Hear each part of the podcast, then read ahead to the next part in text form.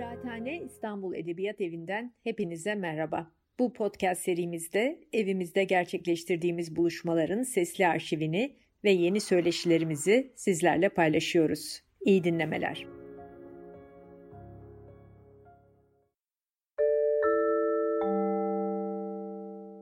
İstanbul Edebiyat Evi'nden herkese merhaba. Bugün e, Kumbaracı Elli'nin komşumuzun sahnesindeyiz. E, yaklaşık iki sene sonra yeniden sahnelerindeler. Burada oynuyorlar artık.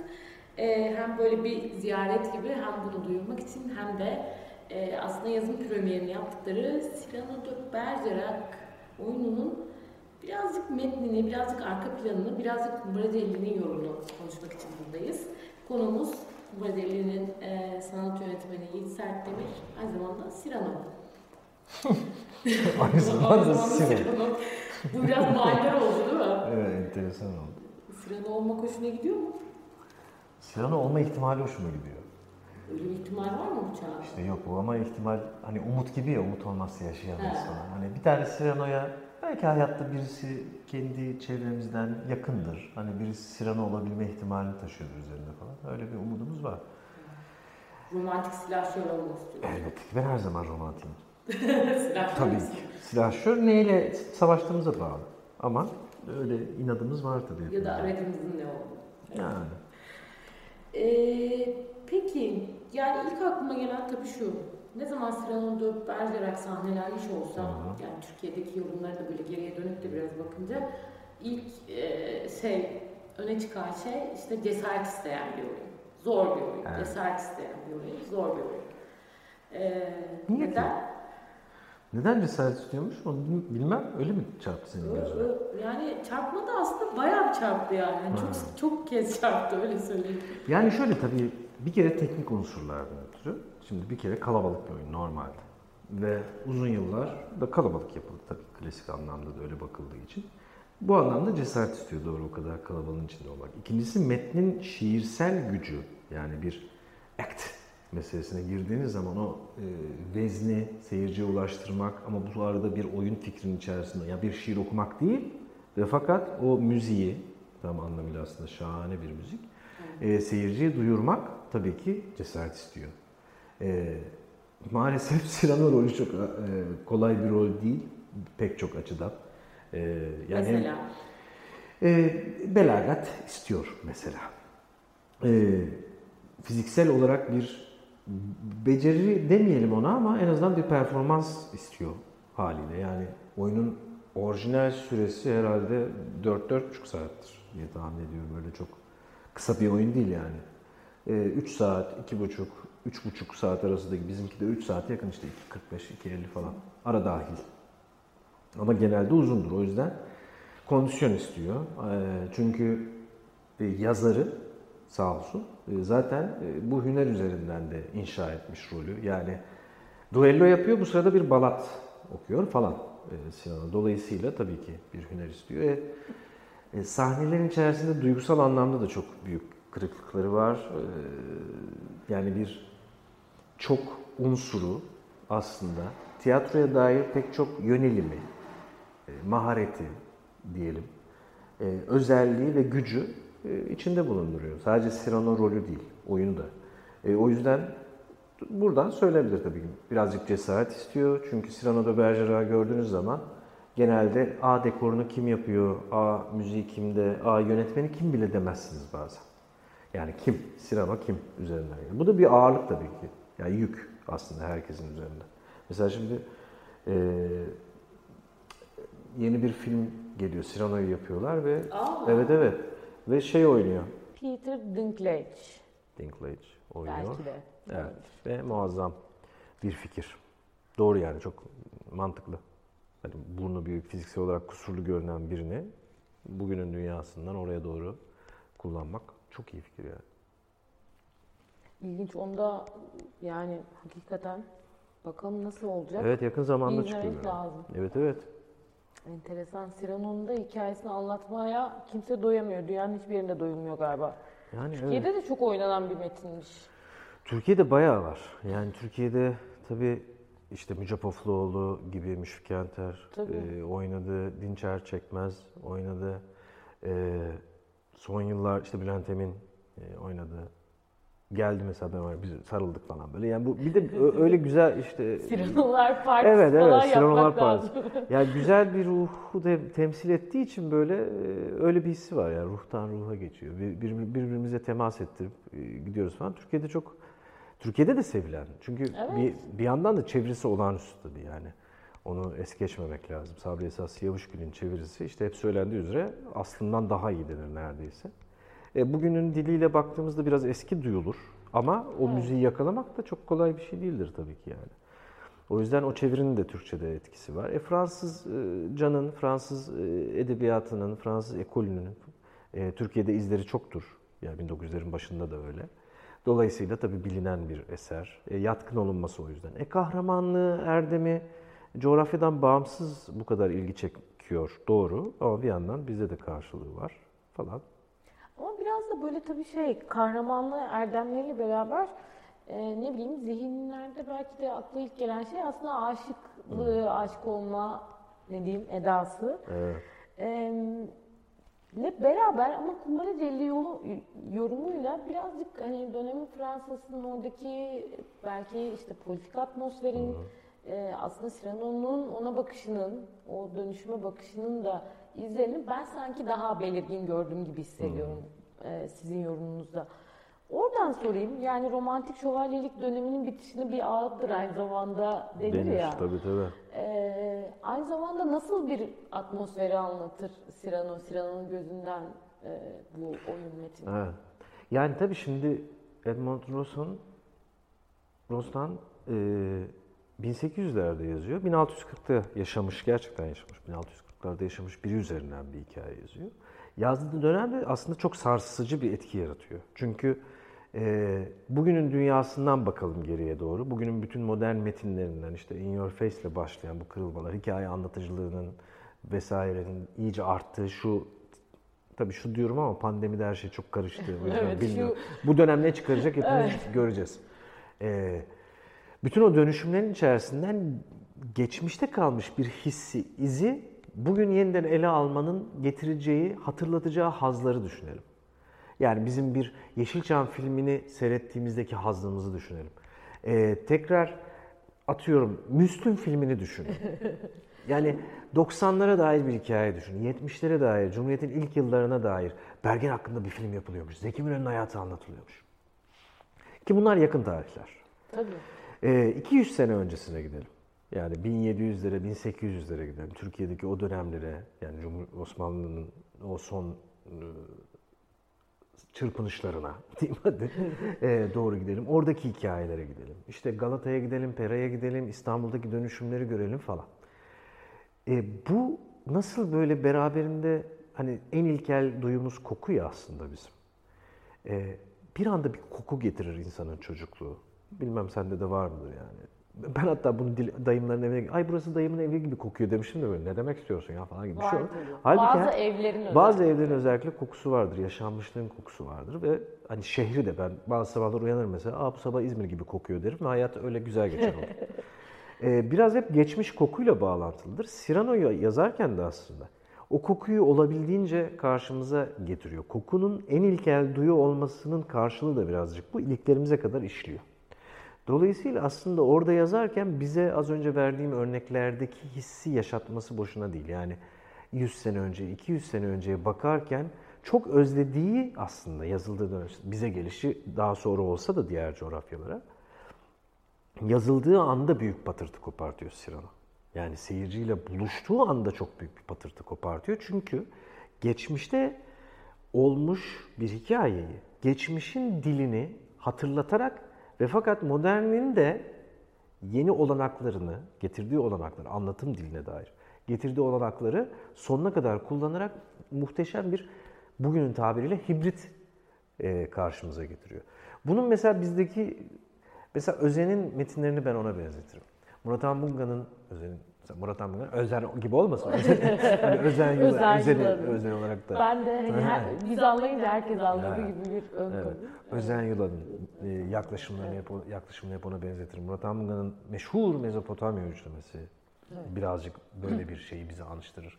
Burçak'ın metinlerini, Burçak Çölü'nün metinlerini bu yaklaşıma çok yakın bulurum. İşte Ahmet Sami Özbudağ'ın metinleri. Yani bundan neyi kastediyorum? 2020'nin, 2019'un, 21'in, 2000'lerin Türkiye'sinden bir modern yazı, bugünün yazarı olarak geçmişe kendi dilini unutmadan ama geçmiş bir hikayeyi de bize yeniden söylemekten geri durmadan o lezzeti de taşıyarak geliyor. Ee, biraz arkadaşlarımızı da övelim gibi bir kısma girmiş oldum böylece. Ee, Cyrano da kimmiş? ee, bu eserin bu kadar bence etki yaratmasının dönemindeki e, özellikle yazıldığı dönemde de böyle etki yaratmasının sebebi bu. Bugün yeniden ele aldığımızda, dinlediğimizde, seyrettiğimizde geliyor burası geliyor diye işte istemem Meksikos, Evet. burun tiratı, işte balkon sahnesi, Tabii. finaldeki ölümü. Şimdi bunu hepimiz biliyoruz. Şimdi bu bir de klasiklerin böyle bir özelliği vardır ya. Yani o geliyor. Evet. Yani aynı tiyatrodan 10. kez seyrediyor olsan da bu o geliyor vardır ve orayı bekle. İşte Hamlet'te olmak ya da olmamak. Haydi atsın o tiradı tamam ya gerisini boş ver. Seyircinin şeyi vardır. Bazı oyunlarda Oyunun kalanını izlet. Yani bir kılmak da Tabii. şey ya hakikaten Tabii dikkati canım. başka yerlere de Elbette. Bak Hamlet'te de öyledir, Cyrano'da da Tabii. öyledir. Bu tiratlar aşağı yukarı tam ortalardadır. Yani boşuna değil o. Herkes bir ayılsın bakayım, evet devam ediyoruz falan. Ee, o yüzden de yani böyle hani beklediği yeri sonunu bilerek Cyrano'nun öleceğini biliyor. Yani bizim bütün bu ya- hayatımıza baktığımız yerden de bize hatırlattığı lezzet o yani. Bir arada çok erdemli, bildiğimiz bir hikayeyi bir masal dinler gibi, bir çocuğun masalsı. bir çocuğun masala duyduğu ihtiyaç gibi, Cyrano gibi bir metne duyduğumuz ihtiyaç. Yani bizi kandır Cyrano.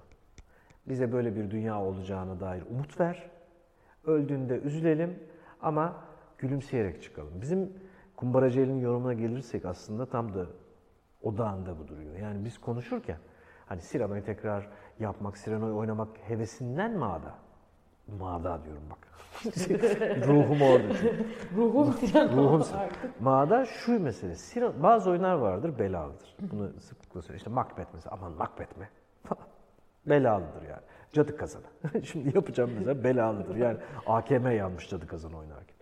Hep oyuncuların tiyatronun başına bir hikaye. Cyrano da tam tersi iyi gelir, iyi hissettirir. Gerçekten de öyledir. Çünkü hissi iyidir. E, aşktan bahseder çok iyidir. Politik olarak az önce yani o günün Fransa'sıyla o günün X yeri, bugünün X yeri arasında Cyrano'nun söylediklerinde bir fark yok ki. Onu soracaktım. Mesela şeydi şimdi dilde dedin ya metindeki. Şimdi işte markiler, cadetler, işte Tabii, soylular, kadeler falan, işte tabii. o toplumsal katmanları tanımlayışı. Tabii tabii. Aslında çok o kadar ben de bugün onu düşündüm buraya gelirken. O kadar temel koymuş ki. Tabii. Onlar gerçekten değişmiyor. Evet. Ama bir yandan da sizin de dikkat çektiğiniz aslında oyunun sunusunda hani kapitalizmin e, aslında e, ayak sesleriyle gelen bir metinden de bahsediyoruz. Aynen öyle, 1800'lerin öyle bir- başında Ama tabii. bugün biz vahşi kapitalizmin artık e, Dibini görmüşüz dibini zannediyoruz ama daha var bir tabii. yerde olmayı umuyoruz Doğru, en doğru. azından.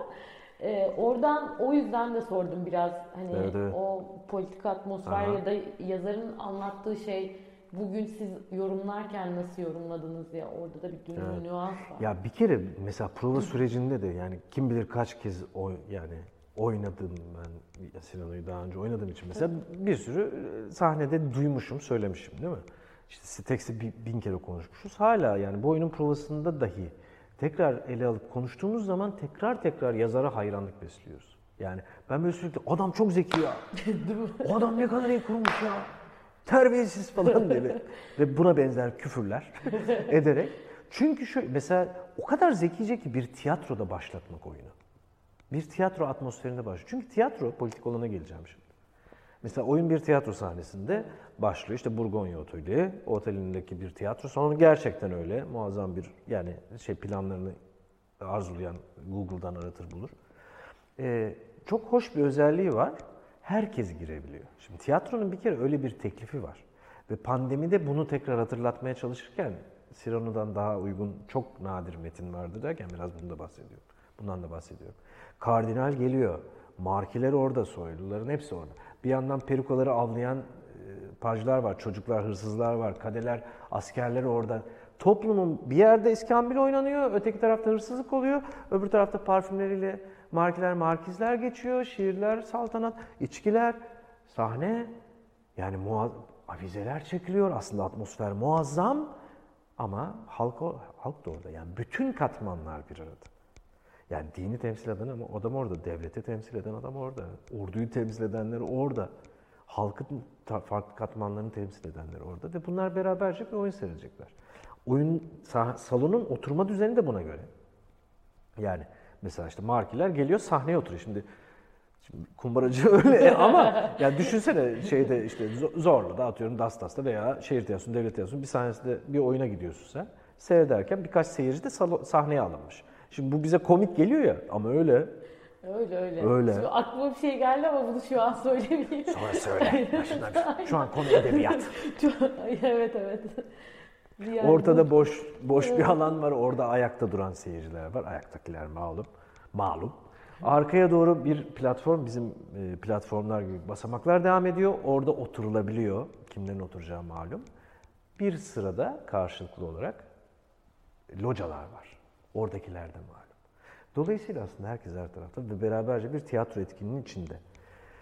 Ve aslında çok acayip tabii. Yani bir oyun seyretmeye geliniyor ve işte Cyrano nerede ya? Cyrano bir bela çıkartacak derken yani çok acayip bir şey yapıyor Cyrano. Aslında çok antipatik bir yerden bakıyor. Oyunu kesiyor yani. Sadece Evet. aktörü kovuyor. Bazıları gıcık oluyor. E tabii haklı ya. Ben haliyle. şimdi biz burada oynarken bir gelip beni kovsa hoşuna mı gider? Senin hoşuna gidebilir de.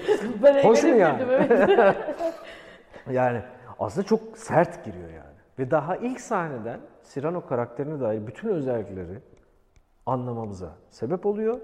Politik atmosfer ve duruş da dahil olmak üzere. Çünkü kardinal Kardinalci mesela e, o da tiyatro müellifi diyor. Kardinale Cyrano. Meslektaş sıfatıyla sorma ondaki keyfi diyor. Yani o inanç meselesine de böyle tiyatrolar bu tiyatro diyor yani. Hani yazmış birisi, birileri oynuyor, diğerleri de seyretmeye gelmiş şu Aslında dünyaya. bütün toplumunda bir sahne. Tabii. işte. ya işte Shakespeare'de Evet, karşılığında Aynen. her şeyi anlatıyor. Ee, zaten temelde oyunun karşıtları dediğimiz yani aslında oyunun bütün çatışmasını ilerleten unsurlara baktığın zaman iki tane şey var. Birincisi Cyrano'nun işte kendi çirkinliğinden ötürü Roxan'a açılamamasının paralelinde Roxan'ın aşık olduğu adama fısıldayarak da olsa suflörü olarak bir aşkı aktarmalı yaşaması diyelim. Yani paralel. Şimdi birinci çatışma bu. İkincisi de karşısına işte Comte de Quiche gibi yani Richelieu'nun kralını falan arkası çok sağlam bir adamı koyup aslında o rakibi. Rakibi olduğu için de bir yandan da önüne sunulan tüm, önüne dizilen tüm e, işte sıfatları, payeleri elinin tersiyle reddeden bir adamdan da bahsediyoruz. Evet biraz aptalca. Yeşilçam kısmı da sonunda ka- iyilerin kazanması herhalde. Yani ya da aslında bize bize öyle geliyor. Mesela şey değil, sonunda aslında iyiler de kazanmıyor bu arada. Yani hissi, işte bak bu hissi mesela. his- hissi. evet. Yani aslında Cyrano ölüyor, Hristiyan savaşta ölüyor, Roxan şeyde Aslında manastırda. katliam yani. Aslında savaş, savaş tabii ki. yani. Savaşla elbette, bitiyor oyun. Elbette. Ama niyeyse Ay, Hissi güzel. Çok doğru bak. Mesela bunu şu an fark ettim Evet. gerçekten. Evet. Ya bizim de yani yorumumuzda merkeze aldığımız mesele birazcık buydu. Yani Cyrano'nun temsil ettiği şey Cyrano de Bergerac oyununun tamamına sirayet etmiş durumda. O da yüreğiyle, becerisiyle bugün bu koşulda her şeye rağmen ve her şeyi göze alarak çünkü bazen her şeye rağmen olur. Her şeyi göze alamazsın. Bazen her şeyi göze al- alırsın ama her şeye rağmen adım atamazsın. İkisi aslında birazcık Rağmen ve göze almak falan arasında birazcık fark vardır. Hele bugün çok daha büyük fark var. kesinlikle. Bir de bazen e, bazı metinler sadece aracıya ihtiyaç duyar. Onu e, onun şeklini toparlayıp sunacak birilerine değil. Cyrano böyle metinlerdendir. Aracıya ihtiyacı vardır. İyi bir ekibin güzelce e, ihanet etmeden diyeyim e, söylemesine. Kusurlu metinler vardır. Onlar biraz toparlanmaya ihtiyaç duyar. Yeniden söylenmeye ihtiyaç duyar. Benim metinlerim öyledir falan. Peki Ee, hadi gıcıklık yapacağım. Yap, Ee, haydi. Cyrano'ya ihanet etmek ne olurdu mesela sence? E, rejiye boğmak Cyrano'ya ihanet etmek olurdu birincisi. Yani bir sürü numaralar. Çünkü bir yönetmene o yüzden düşünmezsin ve yönetmenler için bu bir sorundur aslında. Çünkü bir yönetmen ben yönettim de herkes farkında demek isteyebilir. Ama Cyrano'da çoğunlukla reji konuşulmaz. Ya bunu şey e, ortalama Ama seyirci bilgisi için tiyatroda böyle söylüyorum. değil mi? Yani şu anlamda söylüyorum. Bir yandan sinemada da zaten sinemaya da elverişli olması Evet. aslında bir yandan da rejiye çok açık da bir yanın Tabii ki. olmasıyla Tabii ilgili. ki. Aslında kılavuzuyla Özellikle o geliyormuş yüzden gibi. kritik. Doğru. Tabii şöyle bir şey var yani bunu ama ortalama seyirci için söylüyorum. Zaten ortalama seyirci derken zeka olarak değil. Ortalama hani gerçekten tiyatroya giden, farklı farklı tiyatroları takip eden bir seyirci potansiyeli varsa eğer ki var. Hani yüksek değil belki ama var. Onlardan bahsediyorum. Yani ama mesela bizim tiyatro camiasında tabii ki X kişinin vardır öyle yönetmenler. O nasıl yaptı acaba? Yönetmen nasıl? Her oyun için öyledir ama bazı oyunlarda farklıdır. Bazı yönetmenler için de farklıdır. Bu, bu e, kapsamda ihanet etmek e, yönetmenin kendi varlığını baskılı bir şekilde bu çoğu metinde sıkıntı yaratabilir ama bu tür metinlerde daha da büyüktür. E, hissettirmeye gayret etmesidir yönetmenin. Bu, bu topa çoğu yönetmen çıkmaz zaten. Yani Cyrano gibi metnin yanına böyle bir şey konulmaz. Öyle. Var bir iki unsur daha ama onu sonraya saklayacağım. Umarım sana onları anlattırabilecek sorularım vardır. Yani. Gelecekte bakacağız. Vardır. Bir tek e, tabii şey, senin anlattıklarına bağlantı olarak şey de e, enteresan gelmişti. Hani işte e, dönemin hani dedin ya çok ses getirmiş. Yani Evet. yazar şovenizmle bir yandan süren bir yandan Dreyfusçu olmakla hani o en önemli herhalde antisemit davalardan bir tanesinden bahsediyoruz falan. E, böyle hani iki ucu da sivri bir gerçekten bir kılıcın şeyinde kalmış arasında kalmış gibi olmuş yazar. O da çok enteresan geldi. Ya zaten hani aslında çok yani bir şey yazıyor mesela e, öncesinde o kadar ses getirmiyor aslında. Yani öyle bir varlığı e, öyle bir oyun geliyor ki öyle bir vardır ya hani birinin ilk oyununu okur sonra kim bu peşine düşelim. Aslında çok da öyle bir etkisi yok. E, bütün gerçekten yani hani öyle Google'da araştırabilirsin. Çok enteresan siteler var. Bugüne kadar yorum, yorumlanmış tüm Cyrano'ların neredeyse içinde olduğu siteler var. Görselleri var yani. Ee, he? Yani- Muazzam değil mi? Evet evet. Farklı farklı yani Japonlar nasıl yapmış, Koreliler nasıl yapmış, Amerika'da nasıl yapılmış, Fransa'da, Türkiye, Türkiye var mı bilmiyorum. İnşallah vardır. Yoksa Yani- şey yapalım mı? Oraya bir, lütfen arkadaşlar artık. Ee, e, o yüzden aslında yazıl o yüzden yazarın suçlanıyor da bu büyük bir tartışmanın odağı ya aslında yani günümüzde de bazı kişiler Tabii. için hiç değişmeden tartıştığımız bir şey yani yazarın kişisel hayata bakışıyla beraber durumu ile yaz, eseri arasındaki fark. Yani vardır işte bizim tiyatro bizim tiyatro bizim tiyatro. Bizim tiyatro. Tiyatro tarihinde de vardır yani. O zaten faşist ya. Ama oyunu çok güzel falan. Ya ve hiç aslında faşizden bir şeyden bahsetmiyor. Oyun çok güzel. Ya da o ya azılı komünist o zaten ne söyleyecek ki falan gibi. Halbuki eserle sahibi arasında bir şey var ya. Bence oyunda bunu da söylüyor zaten. Bir yandan. Eserle sahibi arasındaki mesele çok hep kadim kalacak değil mi? Bir anlamda E, düşündüm ama sen yani hep öyle değil yaparken. midir? Şimdi Yani, yani, sadece şey değil çünkü tiyatro için geçerli değil bu yani. her yer edebiyat zaten Oyunculuk, şu an edebiyat değil mi? müzisyenlik, ha, tabii, Mevzu. tabii, Edebiyatta yani. da öyle değil mi? Yani o yazar yani şi- şimdi söyletme beni. Arkadaşım şimdi Şimdi oraya Şimdi da bazı şeyler söylemeyeyim yani. Hani Her şeyi o ben nedir de ya? söyleyeyim. Allah onun cezası yani olası tüm küfürler hani yakın zamanda yaşadığımız bir e, taciz meselesi var mesela bir yazar üzerinden değil mi? Ona benzer arka arkaya sisli oldu ama peşine hep şu cümle edildi. Yani iyi yazar. Ama bu başka bir şey tabii. Yani bu hani çok çok tuhaf bir şey. eserle Eser yaratıcısı vesaire, arasındaki ilişki meselesi hiçbir zaman sanki tam cevap verilemeyecek bir şey gibi bana da hep öyle geliyor. Ya bazen çok öz yaşamsal devam eder Tabii. eserler. Yani kendi izlerini görürsün. Atıyorum Wolfgang Borchardt öyle birisidir yani. Hani kapıların dışında yazan, Bursalı'yı yazan. Hani onun yazdığı, öykülerinde gördüğün hayatla anlatmaya çalıştığı hayat ya da olmasını umut ettiği şiirlerinde daha ziyade gördüğümüz hayatta. Evet gör, yani bu adam bunu yaşadığı için burada sirayetini görüyorsun ve ya böyle zaten falan. Ama bazen de hiç alakası yok. Yoksa bu mesela Cyrano de Bergerac oyununa baktığında da savaş sahnesinin içinde kadelerin olduğu şeyde mu- muazzam da bir şey vardır yani. Fransa kardeş burası yani. Hani bir açılabilirsek. da da da da da falan. Yani internasyonel Sonuçta- çalmıyor oyunda demek Yok, istiyorum. orada, a- ama en azından hani ara burjuva devrimler görmüş de bir ülke Tabii, yani tabii. bir, bir şekilde. Yani Fransa işte. Evet. Bize hiç benzemez. Hiç.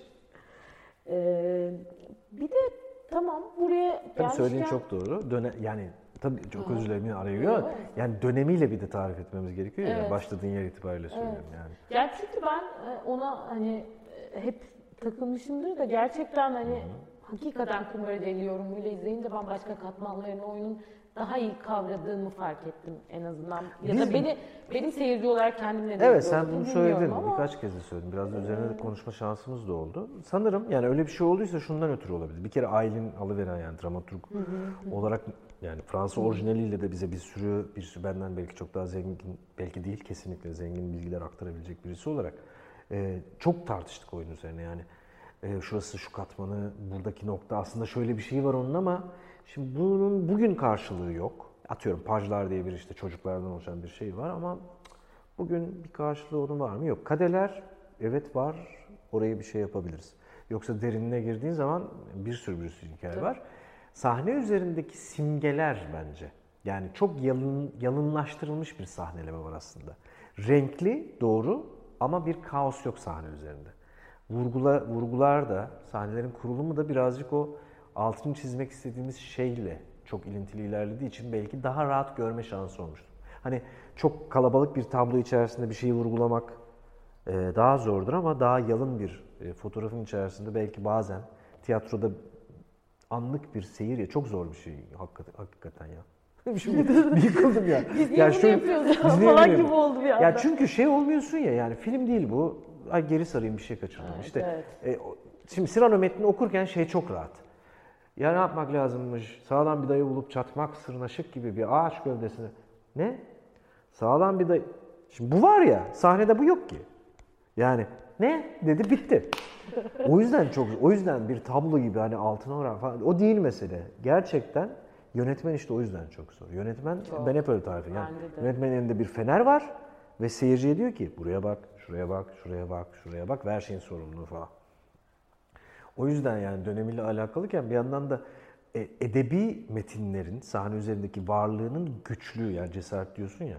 Mesela Shakespeare öyledir niyeyse yani. Ne çalışıyorsunuz? Shakespeare. Bu ne? Bu ne yani? Ne oldu? Shakespeare tüccarın Allah'ı. Yani mesela o özellik hep yok Shakespeare bildiğin yani niye bütün dizi sektörü Shakespeare üzerine kurulu? Yani hmm, düşman ailelerin çocukları birbirine aşık olsun. İşte bütün diziler bu. E bu Romeo ve Juliet. Yani hani gibi. Zengin kız fakir falan olan. zengin yani. Allah Allah ne kadar yeni bir şey yani gerçekten falan gibi. Yani Ha, Sistemle, ama şimdi sistemle de kavga etmemiş mi? yo yani Sarayla etmemiş mi? ya onlar Kralla göstermelik. Ben mi? inanmam öyle şeylere. Sahtekar. Sonuçta Pislikler be falan. sonuçta, sonuçta bunun da ticareti yapılıyor E biliyorsun tabii ki aynı ki. zamanda. Elbet. Hele bu çağda daha da. Yani kastettiğim halk tiyatrosu yapıyor Shakespeare. Anlatabildim mi? Bu bizim yakıştırmamız. Cyrano mu? Cyrano'yu oynayacak aktör mü var ya Türkiye'de? Niye olmasın ya? İşte Shakespeare. Yapabilecek misin? Niye yapamıyoruz ya? Nedir bu? Niye, niye bunlar putlaştırdınız siz? Neyden bu kadar korkuyorsunuz? İşin komiği Shakespeare hiçbir şey olmaz zaten. Ya sen mahvetsen de o kalkar şeklini bulur yine. Evet sıradaki der ve hayata devam eder. Kuşkusuz orası tam Olan sana olur yani. galiba tabii zaten. ki, tabii ki. Bir yandan da e, tam buraya getirmişken reji bakımından mesela nelerden vazgeçmeyi seçtin, seçtiniz? E, yani daha önce de gene konuşurken söyledim ya upuzun bir şiir hakikaten Evet, metin. Yani bütün konuşmanın tamamının zaten şeyi zemini onun üzerine Tabii de ki, kurulu aynı tabii zamanda. E, yani ben yeniden mesela bu söyleşi hazırlanırken böyle bakarken sizin üzerine çalıştığınız haline de ya diyorum ya mesela burası nasıl vazgeçilir, hangi sahneler 48 sahnelerden Ah, ay. seçiliyor. Aileler çekti.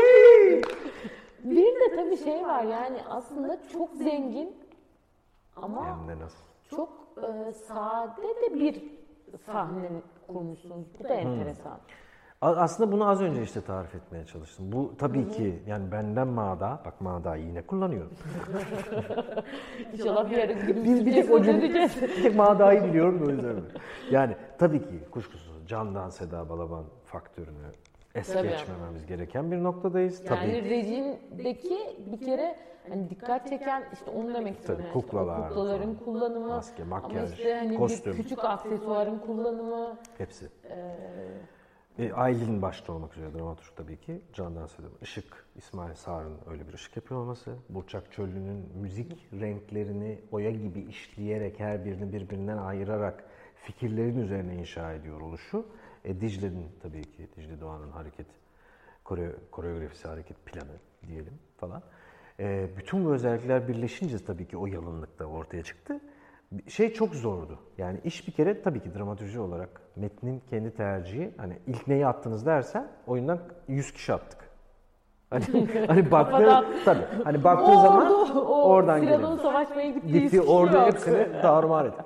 Ee, bunun tabii ki birkaç yani pandemi nedeniyle evet çok fazla kişi e, ekonomik açıdan da çok fazla kişi yani bu, yap falan filan tabii, ki o unsurlar var. Ama bir yandan da temeli oturttuğumuz bir e, üzerine düşündüğümüz kabare fikriyle Cyrano'yu birleştirmek. Niye bu da? Şimdi kabare zaten gününü ıskalamaz. Özünde o vardır. E, farklı dönemlerinde, farklı coğrafyalarda, farklı yıllarda bir şey söyleyeyim. Bütün bilmezliğine burada araya girmek istiyorum. Yani kabare e, özelliği oyunda zaten var olan bir şey mi? Cyrano de Bergerac'ta mı? Evet. Şöyle, işte bir kabare metni olarak yazılmamış zaten. Kabarenin Evet. çıkışı çok sonra da. E, bizim uyar, yani metni tekrar ele alırken ki e, sonuçta reji şunu yapar. Yani bu benim kanaatim elbette de. Bir eseri alır ve hani atmosfer diye tarih ettiğimiz suya koyarsan farklı görürüz biz, başka bir sıvıya koyarsan objeyi farklı görürüz ya. Yönetmen bunu yapar. Obje aynıdır. Senin o şekilde görmeni, yani önünde farklı e, e, camlar, merceklerde camlar görür ki sen farklı görürsün. Onun gözünden. Yani o yüzden yazar e, ben öyle ya- yazar Tanrı'dır da yönetmen peygamberdir. O nasıl anlatıyorsa sen öyle dinlersin. Sen peygamberin yalancısın. Yapacak bir şey yok. E, burada da e, öyle bir yola gitmeye çalışırken o dili belirledik. Yani kabare anahtarıyla, metne bir kabare gözlüğüyle bakmak. Kabare gözlüğünü koyduğunuz zaman mizahı es geçemezsin. Politik olanı zaten kökünde var, es geçemezsin. Normalde işte yani hani Haldun Taner'in tarifiyle e, gelen Türkiye'de duyulan kabare tabii ki küçük alan, basık, politik olaylar, güncel.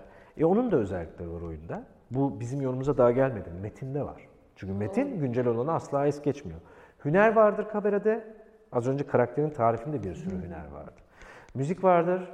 Aslında var. Metinde müzik var. Hareket vardır. Fiziksel olan gani gani var. Bunun sadece sadece ka- kabarede biraz daha epizodik ilerleyebilir parçalar.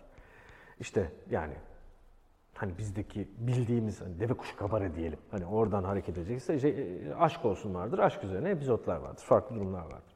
Cyrano'da da aslında insan olma haline dair farklı epizotlar var sorarsan. Ee, o yüzden metnin e, aileni de çok heyecanlandıran nokta bu oldu. Hepimizi heyecanlandıran nokta aslında baktığında asla böyle okuyan 1800'lerde yazılmış metin ne kabaresi. Okunmayan bir metni böyle bir forma yeniden evrilttiğimiz zaman karşımıza çıkacak fotoğraf. O zaman şunlar belirdi. Bir kişi farklı rolleri oynar. Yani mesela oyunda belki sen görmüyorsun ama aslında anlıyorsun yani. Roxanne oynuyor Ayşegül. Tüm zarafeti, müthiş yeteneğiyle.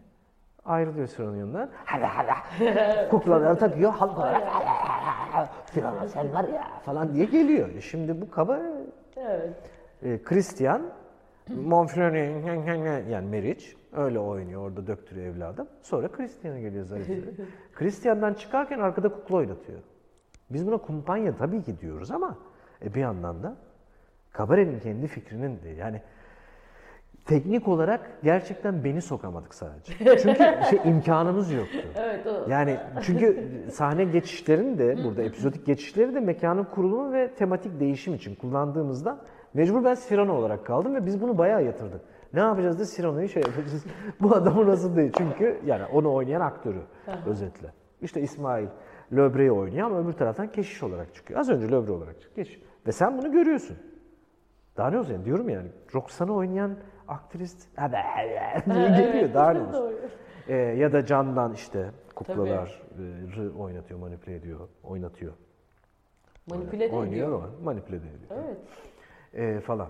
Dolayısıyla bütün bunların toplamı zaten o fikirle birleşince e, o yalın ve bir yandan da aslında görkemli gözüken diyeyim yani görkem doğru tarif midir bilmiyorum ama e, etkiyi ekip yaratmış oluyor. Kendi kendiliğinden yaratmış oluyor. O yüzden belki bazı yerleri daha bugünün yani bugüne dair bir kod mesela baktığın zaman aslında yok. Yani yerel hiçbir motifi bulamazsın orada aslında yok. Ama ha diye anıştırdığı bir şey var. O da başta konuştuğumuz Evet. de Bergerac metninin mahareti de birazcık bu zaten yani. Peki aynı zamanda bir oyun yazarı olarak Kim o? yani?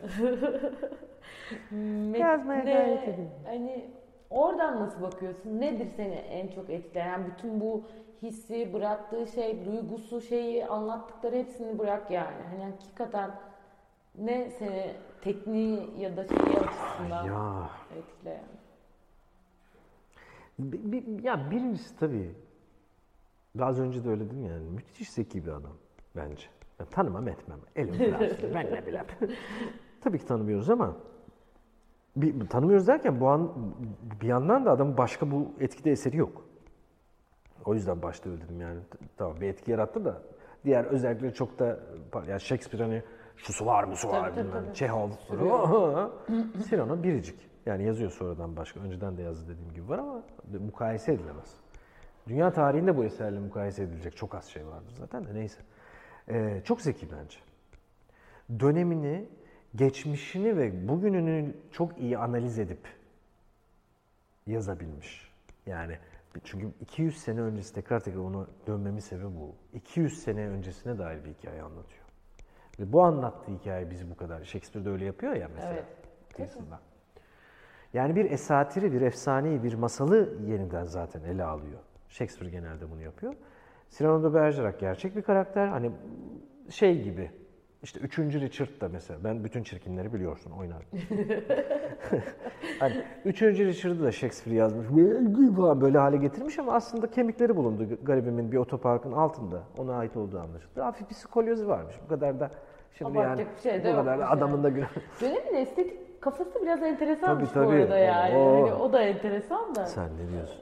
Biz yine iyiyiz herhalde. Biz bence ileride çok güzel anlatacağız. Gerçekten. Ee, Cyrano... Yiğit Sertdemir aşırı yakışıklı bir tiyatrocuydu falan diye. ne demek istiyorsun Ayşe? E tamam, Zaten öyle değil miyim ya? ha işte tarihe böyle ya da Tarihe böyle geçirir misin lütfen şu an? Görüntüle yok edip geçirebilirsin bence. Aa. Ee, Cyrano'da neyse dur. Dur bak yine benim kafam Cyrano'da dolayısıyla aslında yeniden yaratılmış birisi. Gerçekte yaşamış birinin. Gerçekten böyle ayla mayla hikayesi var yani. Öyle şeyler yazmış, denemiş falan. Ee, çirkin olduğu biliniyor. Çok şair ama böyle bir yani yazarı kadar iyi bir şair değil. Bence en büyük mesele o. Dolayısıyla bunları birleştirme zekası, yani gününü unutmadan falan bunları yapabilme zekasına hayranım. Yani ben- zaten mukayese yani ne haddime öyle bir mukayese kabul edilmez ama hayranlık verici bir zekası var sahneleri kurma açısından. Diline zaten yani e, fena değil falan diyecek bir noktamız yok yani. Olağanüstü bir dil kullanımı var ve bunu e, çünkü şöyle bir şey yapmış bence Edmond Ross'un. E, filminde mesela e, birazcık e, filmi çok güzel bu arada Edmund. O sahne metni de var. Ross'tan. E, Cyrano'yla yarışmış. Yani Cyrano karakterindeki gördüğüm maharet aslında yazarının karakteri ya. Tabii. Aynı zamanda. Dolayısıyla ama çirkin bir adam. Keldir benim gibi garip. Görmüşsündür belki tipini. Biraz o yüzden oradan da şey yapıyor Duygusal bir bağda kuruyorum. falan. Ben zaten bir... Ee, yani S- Cyrano'daki koyduğu hedef çok yüksek bir hedef. Kolay kolay yani bunu bir yazım tekniği olarak söylüyorum. Bir karakteri şimdi Cyrano de Bergerac deniyor. Öncesinde hakkında konuşuluyor. Deniyor ki işte burnu şöyledir. Hele o kılıcı, kıyafeti tuhaftır, şöyledir, böyledir. Zaten e, hani komedi dell'arte figüründen de birazcık e, e, kaptan, kaptan e, figüründen e, yola çıkıyor kaptan e, Edmund Ross'tan. E, oraya göndermesi var yani. böyle tarif edilen biri abartılıyor abartılıyor. Şimdi ya düşünsene Ahmet diye birisi var. İşte adam şöyle yakışıklı, böyle yatıyor. Bir şarkı söylüyor yerlere yatıyor. Bir şiir okuyor duvara yapıştırır. Bir ka- kavga ediyor herkes yerde. Aman bir falan. Şimdi o adam hakkındaki tabii ki beklentimiz şu an tavanları aştı, arşa doğru yükseliyor. Ve sonra gelip buna ikna edecek bizi. Yapacak bir şey yok. Evet. Ve yazar bunu başarıyor. Yani önceden attığı ortaya şeyi Cyrano'yu bir kere bir belagat ustalığını ortaya koyuyor. Yani burunla dalga mı geçiyorsun sen zaafında? Buyur o zaman şöyle geçeceksin diye dersi veriyor. Bu yazarın challenge'ı. Kesinlikle. Sonra, yani. Sonra diyor ki duelloda da çok iyidir denmişti. Az önce kılıç kullanmaktaki ustalığından. Birisi laf atıyor. Peki onu da ispat edeceğim diyor. Bu arada doğaçlama az önce çalışılmış bir tirad olabilir çünkü burun. Ve fakat balat, vezne o bir sayısı olan, yani üç mısra bir son falan. Yani doğaçlama olarak bunu yapacağını iddia ediyor duello yaparken. Bunu da yapıyor. Yazar olarak bunu başarıyor ve burada da yetinmiyor. Bence yazarın en büyük ustalığı burada. Duello bitiyor. Biz tabii onu kullanmadık bizim oyunda çünkü öyle bir dünya olmadığı için ama orijinalinde diyorum. Birisi gelip Sinan'a diyor ki tebrik ederim üstad muazzam bir duelloydu. Bu kim diyor Sinan'a? D'Artagnan diyor. ya bundan datlı. Çok iyi Yani değil mi? hani bir usta gelip diyor ki çok tebrik ediyorum üstad çok iyisiniz diyor. Gidiyor ve söyleyen D'Artagnan. Gerçekten Ve çok Sinan'a. iyi. Yani öyle bir kapattı Birisi de ki. şey, Cyrano'yu Don Quixote olarak tanımlamış Tabii ki. mesela. Hani o da çok güzel. O zaten Hani mesela böyle o da yine yazarın çok büyük bir Gerçekten zekası. paslaşıyorlar Tabii aslında ki. yani bir şekilde. Tabii ki Cervantes'e selam çakıyor, Tabii. D'Artagnan'a ona öyle selam çakıyor. Bunu söyle, söyleniyordu zaten. Zaten Don Quixote benzetmesi bir kere fiziksel olarak var. Doğru. Bak şu şey vardır ya ben Evet, öyle evet. oynamıyorum Bir ama şey, e, tipik. Cyrano formuyla Don Quixote'un formu bir hayali peşinden giderken oraya doğru saldırması falan hep var aslında. Şeyin iki oyunun odağında da benziyor yani. Ve oyunda Don Quixote göndermesi var işte. Don Quixote'u okudunuz mu? Hem okurun hem de çıkarırım şapkamı mutlak. Nerede adı geçerse bu zavallı rüküşün. Ya daha ne desin? Aynen. Değirmenler faslı. Evet 13. fasıl. Hayvan ezbere biliyor. falan. Bu işte yazar zekasıdır. Dolayısıyla yazar zekasının içerisinde bir donanım da görüyorsun. Evet. Belagati her anlamda hissediyorsun. Ve son noktaya kadar vazgeçmemesi çok enteresan bir şey. Yani Cyrano'yu böyle öldürmek bir her yazarın harcı değildir diye düşünüyorum. Yani Roxanne'ı manastıra sokacaksın. Bir yazar için çok ağız sulandırıcı bir sahne. Yani 15 sene sonra o bendim falan. Bu yüzleşmeyi yazmak kolay bir şey değil mesela. Bu arada şahane yazdığında söyleyemem. Onu da söyleyeyim. Finali. Finali. Değil mi hocam? Çünkü Estağfurullah. Buna dair benim yorum yapmam hiç olmaz Ay, ne ama demek? sadece sanki. e, Roxanne'ı biraz harcıyor çünkü orada. Yani çok daha güç, çok çok zor bir sahne. Öyle sahneler vardır. Yani atıyorum 3. Richard e, Lady Anne sahnesi de çok tiyatro tarihinin en zor sahnelerindendir. Çünkü yani öldürmek üzere girdiği kişi, kişiyle evlenerek çıkar oradan. Yani. Biz de kafayı yedik yani. Bu sahneyi niye böyle bir şey yaptın? Shakespeare şey yaptı falan diye. Final de birazcık öyle bir sahne. Biraz zayıf kaldığı nokta var çünkü Cyrano abiye yüklenmiş yine. Ee, Bizim rejideki bence diğer e, e, unsur da genelde hiçbir yönetmenin yapmayacağı bir şey yapıyor oluşu bizim ekip olarak. Cyrano'yu biraz geri at, olabildiğince de atamazsın fazla da. E, hem bazı metnileri paylaştırmak anlamında hem de sahne odaklarında onu kaydırmak anlamında.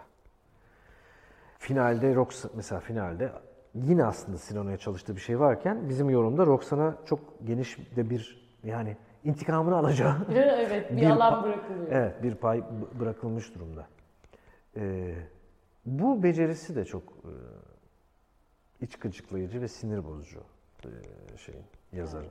O yüzden e, gerçekten tekrar Cyrano'yu çalışırken kendime şunu dedim. Ben de bayağıdır oyun yazmıyorum ya da yazdığım oyunlar böyle çok içsel işte babaannem masada at yani başka başka şeyler var.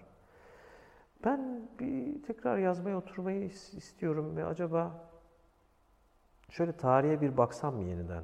Bana böyle göz kırpan bir şey var mıdır falan filan gibi. Böyle bir Orada bile tekrarlaşıyorum yani. Sen de yok ki böyle bir kahve, altında kalırsın yazdığın şeyin falan gibi yani.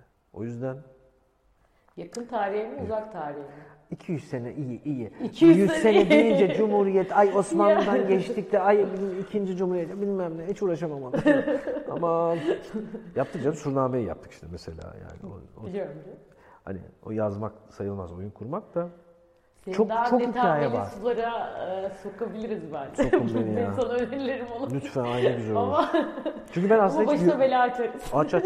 Ben hiç biyografik bir şey yaz, yazdım. Çok biyografik şey yazdım da daha ziyade otobiyografik gibi ilerledi. Ama biyografik istiyorum yani. Bu çok mesela o açıdan da bir ders bu oyun. Yani gerçekte yaşamış bir karakteri nasıl bir hem aslında biz Cyrano de Bergerac diye birini sürekli anıyoruz şu anda. Evet. Yazarını da anıyoruz. Filminin son cümleleri ben e, filmi nedense her izlediğimde ağladım ya. Çok etkileniyorum. Yani bir eserin yani ve işte şey diyor bitiyor Cyrano'nun premierinde. Müthiş kurmuşlar çok güzel hikayeyi. Ee, bir üst ses olarak, dış ses olarak devam ediyor yani. Ve o gün bütün Fransa'daki bütün sahnelerden oyuncular seyircisini selamladı. Şimdi bu bak yine gidiyorum. bu, Hep bu- beraber ağlayacağız. ya bu yani öyle bir oyun çıkıyor ki bir coğrafyada. Ve o zaman tabii ki televizyon bilmem bunlar yok ya. Tiyatro var zaten ne olacak yani. Öyle bir oyun çıkıyor ki ülkedeki bütün sahneler aynı oyunda selam veriyor. Bu simgesel anlamda o kadar güçlü bir cümle ki. Bizde çok kolay olmayacak bir şey bu. Yani ben o, niye onun oyununda selam veriyorum diyecek çok sonra- kişi çıkar ama. Bir sene sonra bir yazar bunu yazmayacak büyük Yani. ihtimalle. Çıkma mesela atıyorum Evet. Haydun Taner'in bence Keşan Malisi hepimizin selam verdiğimiz oyundur. Nazım Hikmet'in Ferdi ile Şirin'i hepimizin selam verdiği oyundur aynı anda. Ee, Özen'in gayri resmi Tabii. Hürrem'i bizim selam verdiğimiz bir oyundur. Ee, Aziz E, Cumhuriyet öncesi yazarları. baktığımız zaman külliyata ama bu çok başka bir şey. Ve o günden beri hala selam veriyorlar durumu. Bir gurur vesilesi ya. Tabii ki. O yüzden Öyle. çok değerli. Biricik yani. Biricik olmak çok kolay bir şey değil yani. Bizde öyle çok nadir yazarlar var öyle işte. Çok nadir. Biricik olmak. Dünyada çok nadir. E tabii. Yani dönüp dolaşıp Çehov diyorsun, Ibsen diyorsun falan yani. dünyayı kapsamış bir metinden bahsediyoruz aynı zamanda. Sonuçta başta da bahsettik. Ve o işte o 1800'lerde 1640'ı anlatan oyunu 2000'lerde yaptığın zaman aslında 400 senenin özlemiyle bir şeyi seyirci buluşturuyor. Buna da sanatın kudreti diyoruz. Onu da arada söyleyeyim yani. Hani biz de 200 seneden 200 sene yani hani suyunun suyu değil o aslında. Çoğalarak derken karanfil elden ele durumunun bir temsili yani. Cyrano da bu açıdan çok doğru bir bence isim. Yani Ofelia ile bunu yapmazsın yani. Rütükle yapmazsın atıyorum ya da Vanya dayıyla yapmazsın ama Sinan'ı hepimizin toplamı aslında. Bence seyirciyi tavlayabilecek yani o, o orası da çok enteresan yani hikayenin Evet bu kadar politik bir şeyinin de olması ama bunun öznenin bir aşk olması ve Evet. şiirli bir dille Tabii, bütün tabii. oyunun akması hani yani gerçekten enteresan bir şey buluşma. Ya. Sinan'ın ölümü de öyle oluyor bu arada. Yani o politik duruş dediğimiz aslında işte yani karışık mesele ama yani yaşamdaki duruşuyla ilgili bir şey. Yani e, sen kötü buluyor senin hakkında bir şey yazıyor. Ya şimdi normalde arkadaş sen benim arkadaşımsın niye yazıyorsun ya? E bana ne kötü bir şey yaptı. Şimdi hani Lö, oyundaki en yakın dostu Löbre'nin söylediği ya bu kadar da nobran olma be kardeş. yani niye Kıbrıs'ta olduysa. Kardeş niye böyle yaparsın? hani bu kadar yırtıcı olma, bu kadar şey yapma yani biraz alttan al uyum çağında. Yok o çok sert, sert, sert ve giderek oraya kafasına kala satıp öldürüyorlar. Böyle boktan ölüm mü olur? Bok diyebiliyor muyuz? Demiş bulunduk herhalde Böyle- diyoruzdur. Böyle tatsız ölüm mü olur? ya düşünsene. falan Yani. Tat saçma sapan bir durum. Evet, evet. Gerçekten öyle. Ee, ben aslında sorularımı burada tamamladım. Ee, bir tek son olarak Kumbaracı Elli'nin e, sahnesine dönüşü. Oho. Ee, ne bileyim mesela bu burada uyarlamayı deneyecek misiniz? Cyrano'yu kendi sahnenize ve sahneye yeniden dönmek. Neden bu kadar e, kritik? Oo hocam. O kadar uzun bir soru sormadım Hocam, ya. Bitireceğiz. soru Bak kısa. zamanımız da oldu. Ben biz Kur'an Der'le kalanlar programı yapıyorduk açık radyoda. Hatırlar mısınız ben bilmiyorum. Hatırlıyorum. Aslı iyi, Yani- Aslı Can Kortan şey iyi, Evet, iyi evet. tarafta. Ben de kötü tarafı böyle konukları alıyoruz Kur'an Der işte. İşte niye yapıyorsunuz ki tiyatro saçma sapan falan. Genco Erkal'ı çağırdık işte Genco Erkal. Bir sürü Gülriz Hanım gelmişti falan çok değerli isimler geldi. Genco Erkal geldi. Ben bir soru sordum. Ve bütün program bitti. Genco Erkal böyle Aslı galiba şöyle. Ne yaptın yani daha soru soracaktık falan. Genco Erkal dedi ben anladım dedi ve gerçekten son 100 seneyi anlattı bize Genco Erkal. Şahaneydi. Sorduğun soru biraz öyle uzun bir soru da o yüzden yani. Ee, durdum. Şimdi sonuna şeyden ilk soruyu söyleyeyim. Cyrano'yu buraya uyarlamayacağız yok. Çünkü e, Cyrano fazla tasarımı itibariyle de zaten büyük sahne için tasarlanan bir oyun. Bir de bu alandaki konumlanması çok dip dibeliği getirdiği için hiç o lezzeti vermiyor. Yani burada tekrar düşünecek olsak bambaşka bir şey bulur. Bu sene e, farklı bir dizilim var burada. Yani burada oynamayacak Cyrano'da Bergerac. E, ama CKM'de oynuyor işte bu Kasım'da. E, 24-25 Kasım, 25-26 Kasım şu an tam hatırlayamadım. Kasım sonunda. Aralık'ta da oynamaya devam edecek. Yani oynayacağız bu sezon. Kumbaracı Elli'yi açmak e, yani tabii ki çok keyifli. Tabii ki çok sevindirici. E, kuşkusuz elbette ki. Bir yandan da aşırı hüzünlü bir durum yani. Çünkü e, işte ben yeni premier yapmış oldum burada 14, Evet. 14 Kasım'da, şey 14 Ekim'de bilmiyorum ne, şu an hangi, şu an hangi günde seyrettiğinizi bilmiyoruz. 14 Ekim 2021'de e, Kumbara Celli umarız kapanmamak üzere yeniden açıldı cümlesi 19 aydır kapalıydı imler. Yani arada bir oynandı hani bir iki böyle bir deneme oldu. İki oynandı yine kapandı. Yasaklar. Tam açıldı iki yazın oynuyordu yine kapandı falan. Ee, o yüzden aslında biraz şey hüzünlüydi doğrusu. Be- belli kararlar almıştık işte daha iki tarafı böldük işte mekanı bilenler için söylüyorum. Sabit bir oturma düzeni olacak bu sene. E, daha az insan gücünün kullanıldığı, daha sağlıklı bir e, oturma düzeni yapabildiğimiz, oyunlarımızın da bazılarını bu nedenle oynayabildiğimiz, bazılarını bu nedenle oynayamadığımız bir sezon geçireceğiz. Ama yeniden açmış olmak tabii ki çok acayip. Yani o eski normal dediğimiz iki sene, bizde yedi gün oyun olur, sürekli bir işte sirkülasyon, yani, ha, çek onu, getir, akşam yetişti mi, son ışıkta kalıyor falan gibi bir şeyden böyle, evet. Cuma oyunumuz var. Yani bu dinginlik çok alışık olmadığımız bir şey, yeni tanışacağımız bir şey dolayısıyla. E, o yüzden bunun heyecanı e, var. Yeni oyun da çıkacak. Yani şu anda Muamma oynuyor Gaye Boraloğlu'nun e, hikayelerinden İsmail Sağar'ın uyarlayıp yönettiği Muamma oynuyor. Demiryolu hikayecileriyle açtık e, Oğuz Atay'ın. E, Demiryolu hikayecileri unutulan ve beyaz mantolu adam öykülerinden yaptığımız bir uyarlama. 444 oynuyor. 14 sene oldu artık ya. Gerçekten. 13 sene mi 14 sene mi artık yani. Gülan hala Ay ezber... yeniden mi izlesem acaba ya? Gel bence gel. Çok değişti mi? Bilmiyoruz ki bayağıdır oynamıyoruz onunla. Böyle oynayacağız. Bunun belki provasını yaparız falan. Gülan hala ezber alalım diyor. Bu nedir ya? 13 Bizden sene oldu. dedikodusunu yaptırmayız. Ya. Herkes de seviyor bu kadını. yes. Ee, nihayet makamı ee, tekrar burada oynayacak. Şimdi oyun atölyesinde oynuyor ama Kasım'da tekrar burada böyle oynayacak farklı bir şekilde. Yaz Gecesi Rüyası geliyor. İsmail yönetiyor. İsmail Sağar. O da herhalde Ocak'ta çıkacak galiba. Aralık ya da Ocak'ta çıkacak. Ocak olur diye tahmin ediyorum. Yani aslında normalmiş gibi başlıyoruz. İşte konuk ekipler yavaştan katılıyor. İşte Kalabalık Doğası tahminen oynayacak. Delibo oynayacak. E, dansöz oynayacak falan. Yani böyle başka oyunlar da büyük ihtimalle eklenecek. E, haftanın 3 gün oyun olacak. Bu sene aldığımız karar. Şimdilik en azından. Belki Ocak'ta coşarız da. Bakalım. Bakalım. Perşembe, Cuma, Cumartesi oyun olacak. Ee, çünkü atölyemiz de vardı bizim. Onu da burada yapmak durumundayız artık. Belli günler ona ayrılacak. Bir de her gün sirküle edilecek bir... Bu enteresan bir durum tabii yani. Kapı pencere kırılabilir. Pek çok tiyatroda ama bir yandan da herkeste bir çekince var. Ee, biz dolu oynadık. Şimdi yani açtığımız işte 3 3 oyun mu oynadık biz şu anda? 3 oyun oynamış olduk. Üçü de doluydu. Yani iki Demiryolu, Demiryolu hikayecide bir muamma oynadık.